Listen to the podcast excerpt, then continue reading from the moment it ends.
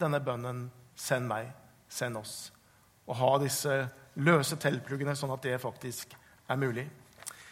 Eh, vi skal avslutte taleserien som vi har holdt på med nå i fem uker, som heter 'Modige bønner'. Og I dag så er altså temaet 'Send meg'. Og at eh, det er en modig bønn, ja, det trenger jeg nesten ikke å si engang. Det skjønner dere, at det å stille seg til disposisjon på en sånn måte, ja, da er det mange ting i livet som vi må retenke og tenke igjennom. Det er en modig bønn. Når vi snakker om modige bønner, så bruker vi det litt uttrykket fordi at vi så ofte så ber vi jo bønner for oss sjøl og for våre nærmeste og hva vi trenger. Ehm, jeg hørte en søt historie her eh, denne uka. her. En pastor som heter Tony eh, Campello var for øvrig Bill Clintons åndelige rådgiver i sin tid. Men han forteller det at eh, en historie om sitt barnebarn. Og denne gutten han var da sånn at han ba gjerne kveldsbønn om kvelden. Og så er det en kveld han går opp til rommet sitt. Og så sånn Midtveis i trappa og så snur han seg til resten av familien som sitter der nede, og så sier han, 'Dere, nå skal jeg opp og be. Er det noen som skal ha noe?'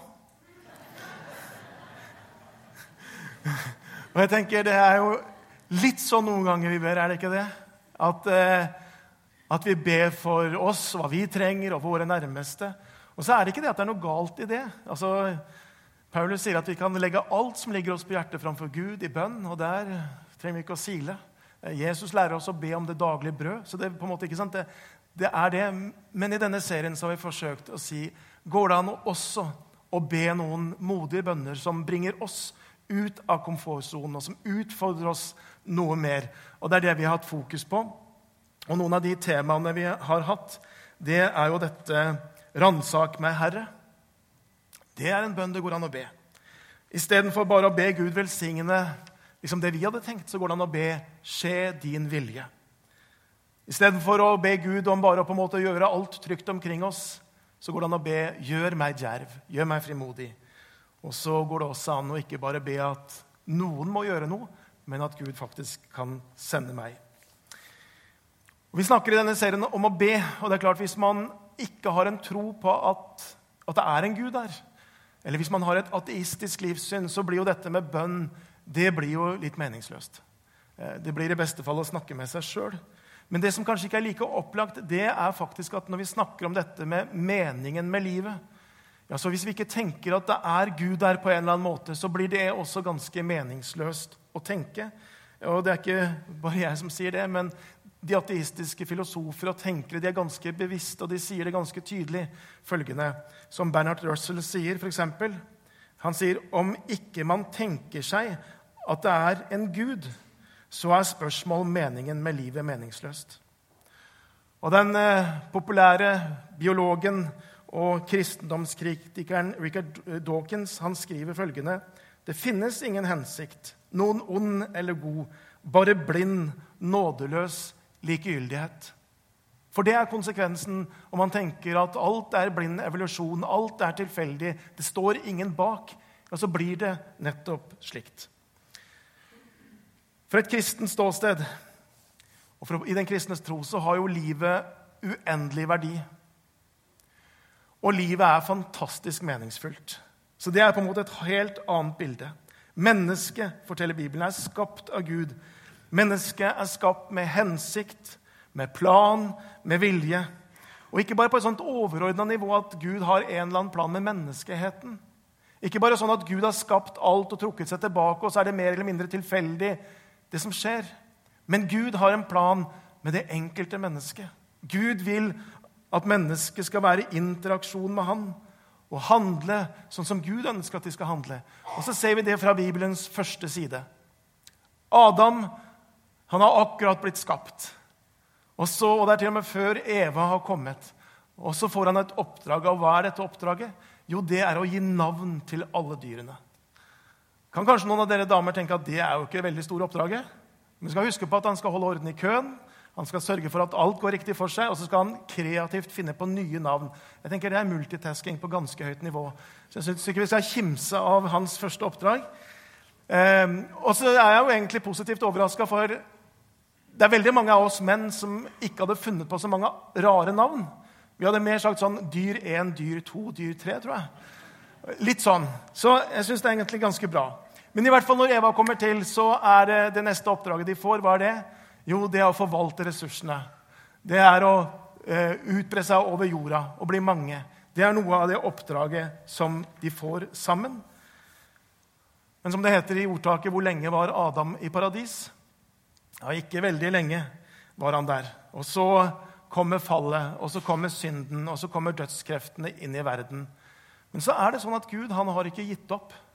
Fortsatt er Gud der som ønsker å ha interaksjon med mennesket, som ønsker å komme mennesket i møte.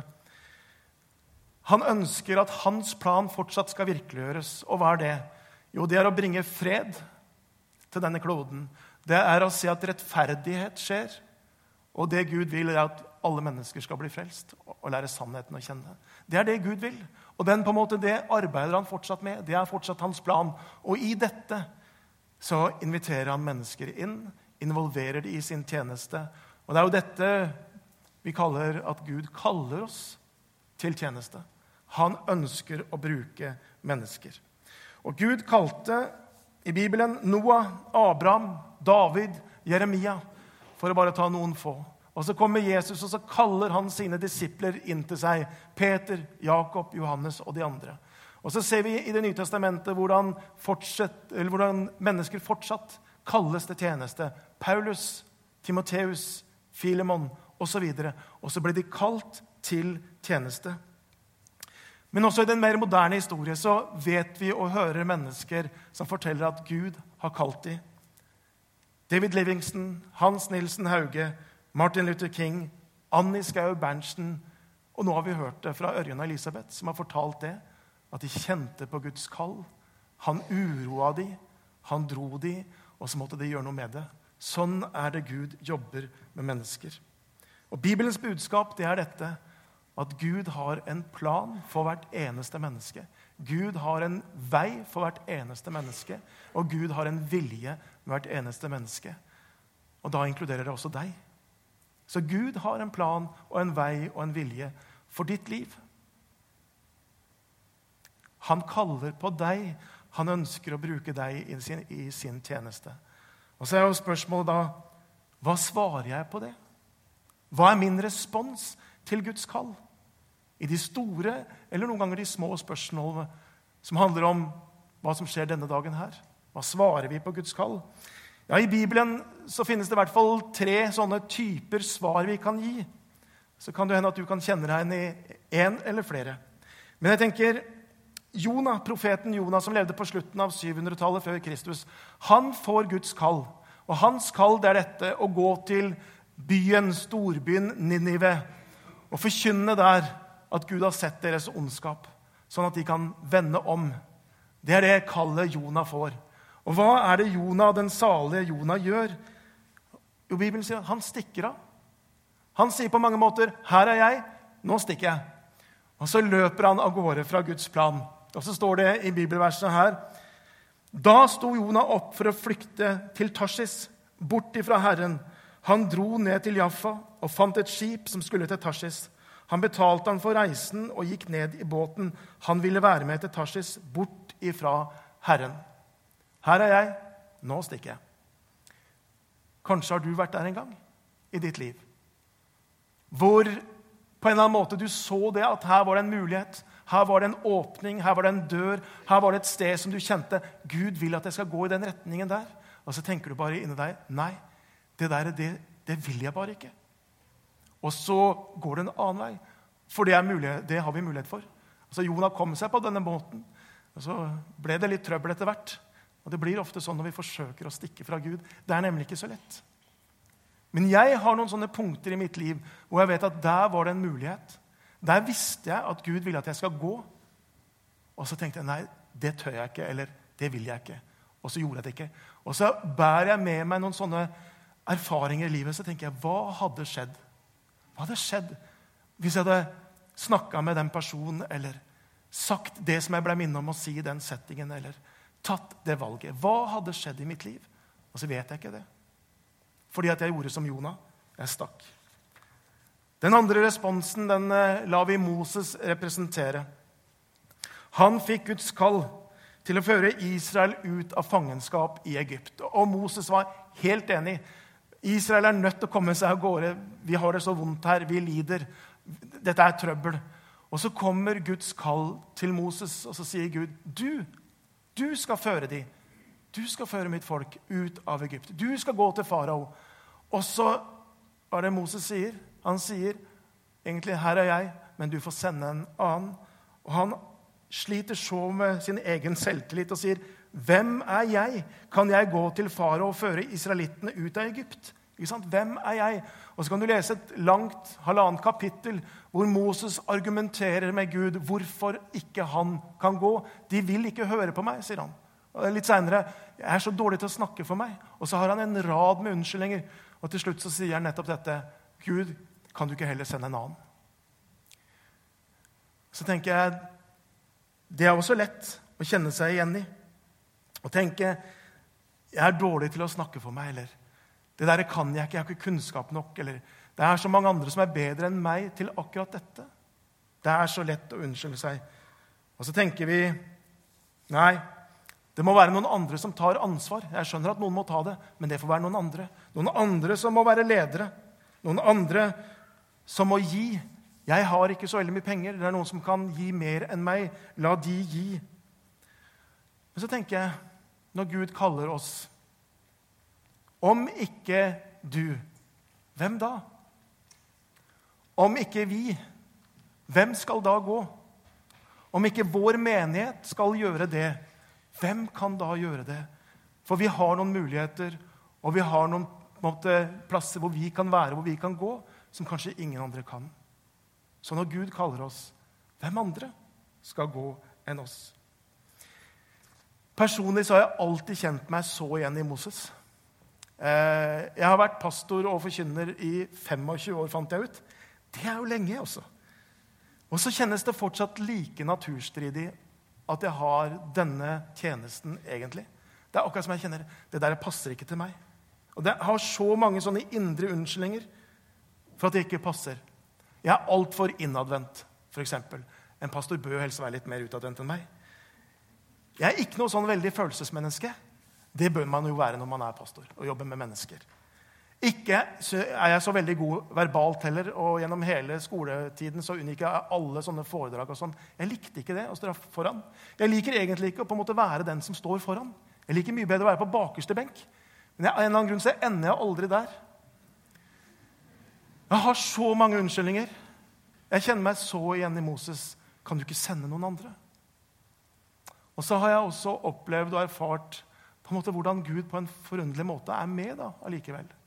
Hvordan han utruster. Hvordan han er der og legger ting til rette. Hvordan han gir ord i rette tid. Så Gud er med. Han utruster. Han går foran. Og så har jeg oppdaga at Gud kan bruke de underligste mennesker i sin tjeneste inklusiv meg. Jonas sa, 'Her er jeg. Jeg stikker.' Moses sa, 'Her er jeg. Send en annen.' Og så kommer vi til dagens bibeltekst og til Jesaja, som er det andre eller det tredje eksempelet som sier, 'Her er jeg. Send meg.' Og Før vi går videre inn i det, så skal vi bare legge merke til hva Jesaja ikke sier. Han sier f.eks. ikke 'Hvor sender du meg?' Hæ? Han sa ikke det. Han sier ikke 'Er det godt klima der?' Han sier ikke 'Hva er lønnen?' Han sier ikke 'Hvilke fordeler eller goder er det følger med jobben?'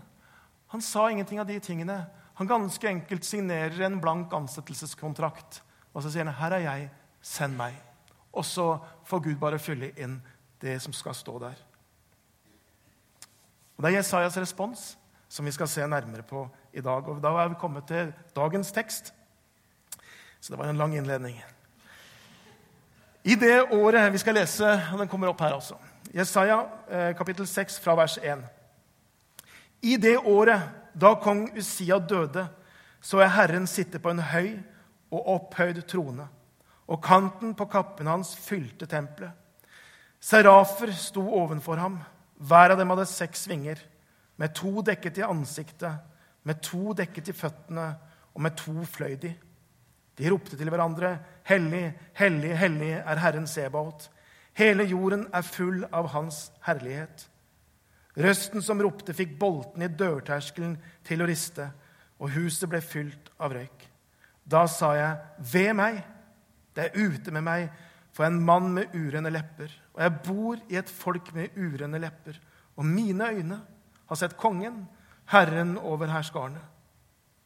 Da fløy en av serafene bort til meg.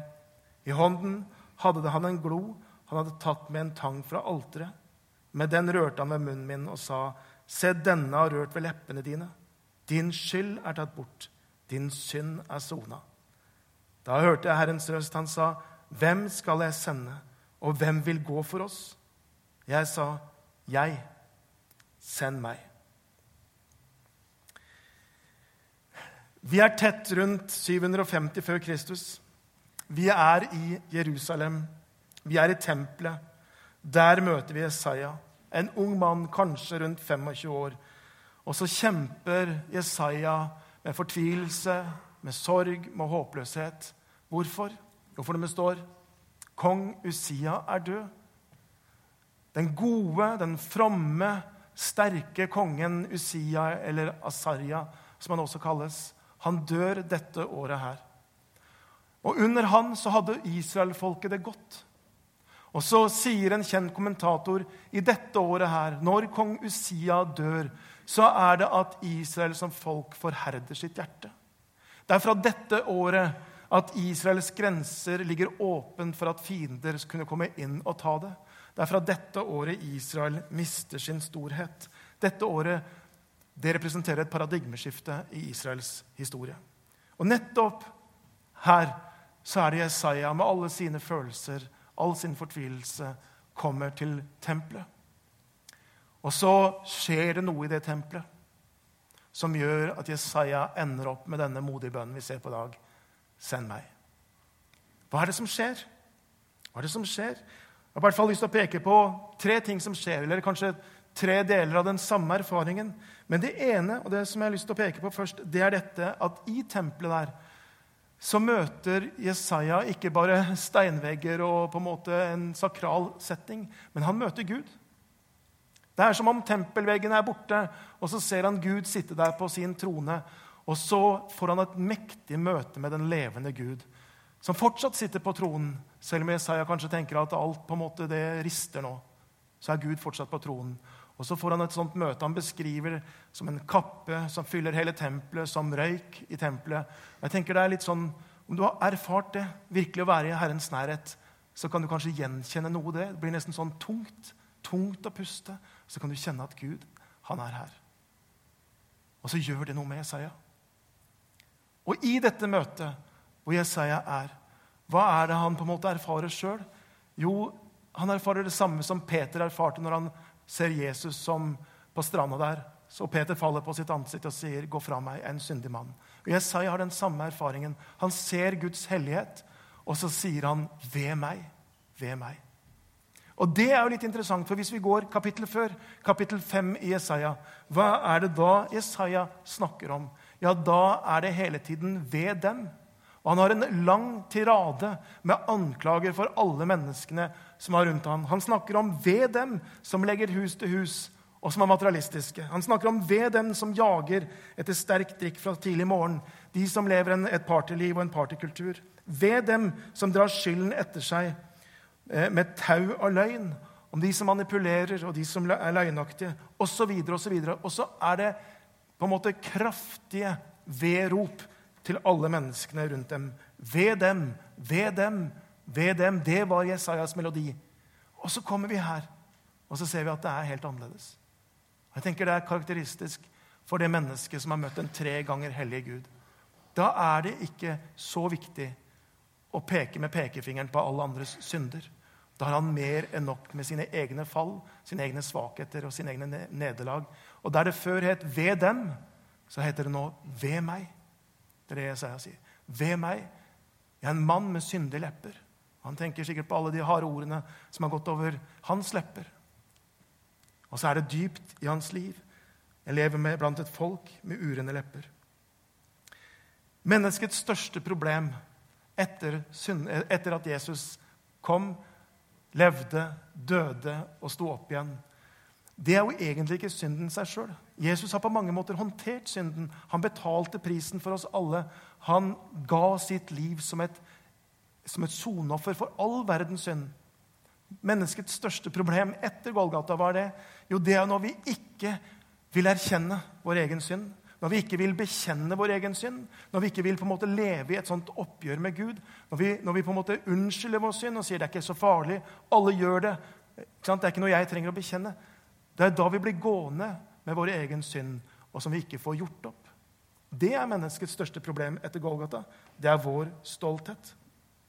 Det er mange i dag som sier når de har gjort noe galt, eller de blir tatt for å ha gjort noe galt, så sier de nei, jeg må jo bare stå for det. Har du hørt det? Mange sier det. Jeg må bare stå for det. Så tenker jeg nei, det finnes en annen mulighet. å si at det der, det står jeg ikke for. Jeg angrer meg. Jeg ønsker at det var ugjort. Jeg skulle ønske at det var annerledes. Jeg erkjenner og bekjenner at det var galt. Det er også en mulighet. Som mange vil ikke bruker i dag.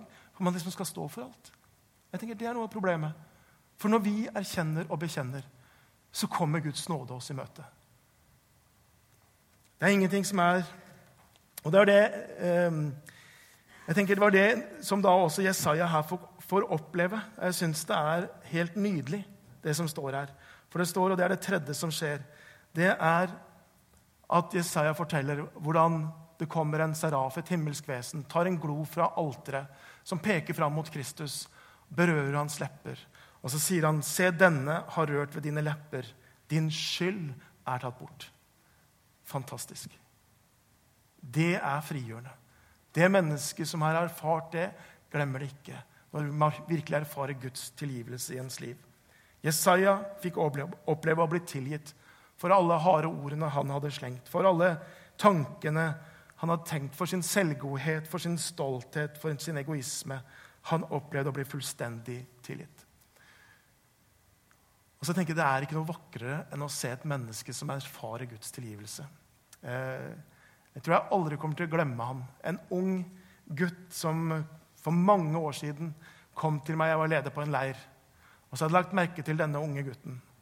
Og så så jeg på en måte bare at han gikk der noen dager, og så helt innkrøkt i seg sjøl. Han møtte ingens blikk. Han på en måte satt for seg sjøl. Bare så på en måte at han hadde det veldig vanskelig. Og Så gikk det noen dager, da, og så kom han i sjelesorg, og så fortalte han noe til meg som han hadde båret på over en god stund tid, og som var fylt med skyld og med skam. Og så bare var det noe som på en måte Han bare gråt sine tårer der. Og så fikk jeg lov til å lytte til han, og så fikk jeg lov til å dele dette fantastiske bibelverset fra Bibelen hvor det står Men dersom vi bekjenner våre synder, er Han trofast og rettferdig, så Han tilgir oss syndene og renser oss fra all urett. Og så er det som jeg nesten ser forvandlingen skjer der i den samtalen.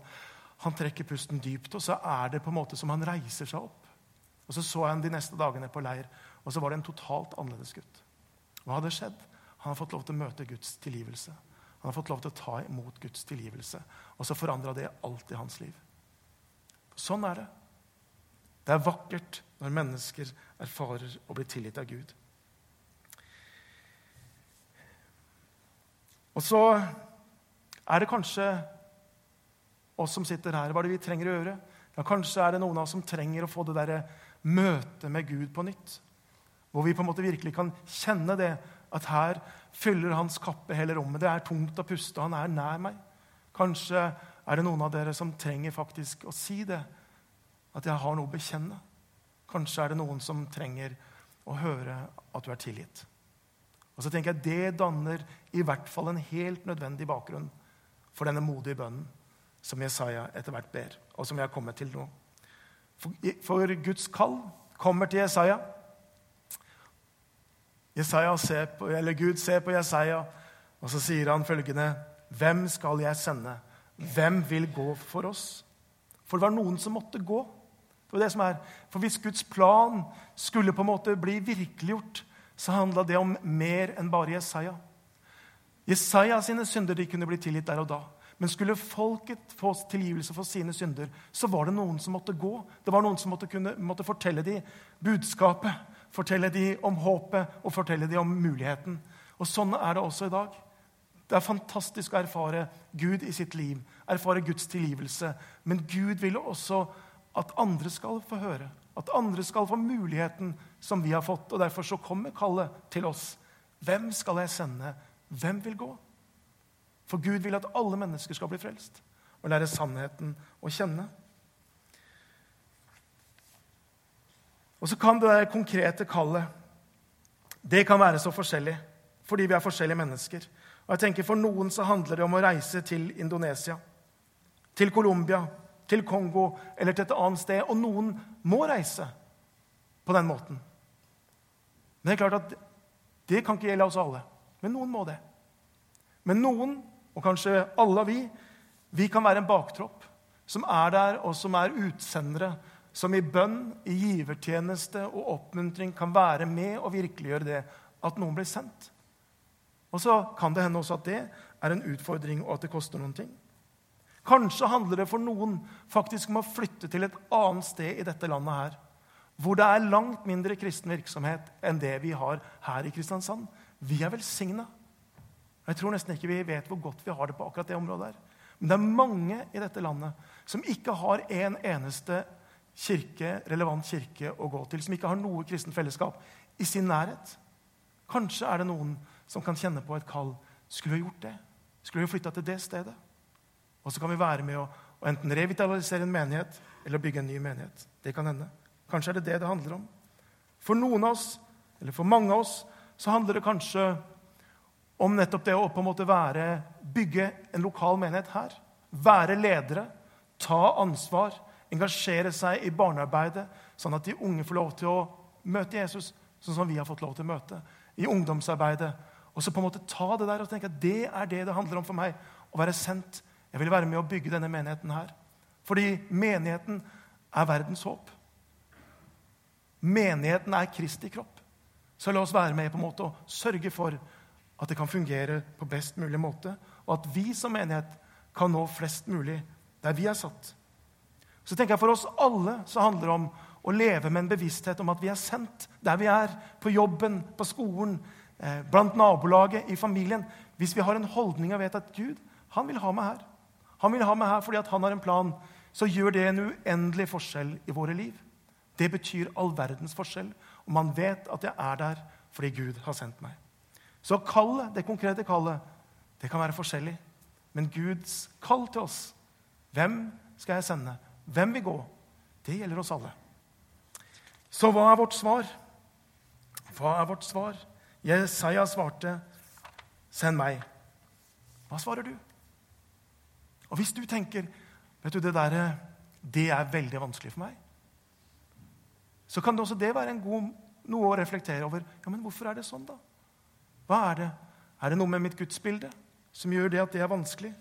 Er det noe med på en måte, de verdiene jeg bygger på, som trenger å korrigeres? Er det noe som binder meg, som faktisk er usunt for meg? Hva er det i så fall som hindrer meg å be den bønnen? En skolelærer eh, som hadde fått amputert det ene beinet, han gikk til James Hudson Taylor, og vi er på sånn midten av 1800-tallet. Og så sa han følgende Han sa at 'jeg har lyst til å reise ut som misjonær', sa han til James Hudson Taylor. Og Så står han der da med sitt ene bein. Og Så ser James Hudson Taylor på han, måler han opp og så sier han, 'Du har bare ett bein.' Ja, han visste jo det. Um, og Så sier Taylor han sier følgende 'Hvordan tror du det blir hvis du skal reise rundt som misjonær i Kina med ett bein?' Og Så sier han til han noen sier, 'Men du, jeg kan ikke se at de som har to, går, de heller.' Så da får jeg reise, da. Og så ble han antatt som misjonær, denne som heter George Scott. For vi har noen ganger noen sånne unnskyldninger. Mange unnskyldninger, kanskje.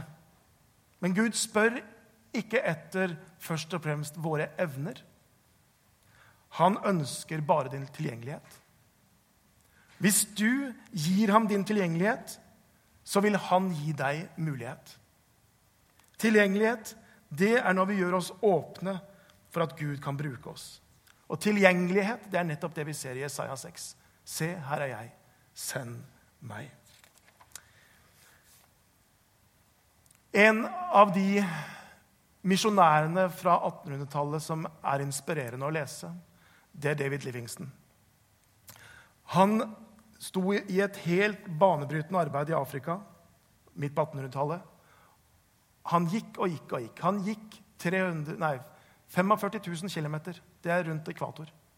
Det gikk han i Afrika i de årene han var der. Han mista kona si tidlig i sin tjeneste. Han blei delvis blind mens han var der nede. Han møtte motstand i sin egen kirke, men hjertet hans det var i dette afrikanske kontinentet. Eh, så konkret at når han skulle begraves, så ville han at hans hjerte skulle begraves i Afrika, resten av kroppen i England. Han hadde hjertet sitt i Afrika. Og så, I dagboka si så skriver han en bønn som jeg syns er helt nydelig. Han ber følgende i dagboka si.: Send meg hvor du vil, bare gå med meg. Legg din byrde på meg, bare hold meg oppe. Bryt alle bånd som binder meg, bare ikke båndet som binder mitt hjerte til ditt. Vil du være med å be bønnen 'Send meg'? Det er utfordringen i dag. Skal vi be. Kjære Jesus Kristus. Jeg takker deg for at når du sendte ut dine disipler, så ga du også løfte om at du var med alle dager inn til verdens ende. Og takker for alle vitnesbyrdene også om det. Kjære Jesus Kristus, jeg ber for oss som er her. Og du ser om, er, om våre teltplugger er for festa, sånn som Elisabeth snakka om. Og så må du hjelpe oss, Jesus, til å kunne be den bønnen med et åpent hjerte. Og være tilgjengelig for deg, Jesus. Og så vet vi at du vil gi oss mulighetene. Du vil legge opp for oss de gode gjerningene som vi kan vandre inn i. Du har en plan og en vilje for våre liv. Jeg ber at du skal møte oss sånn som du møtte Jesaja. Amen.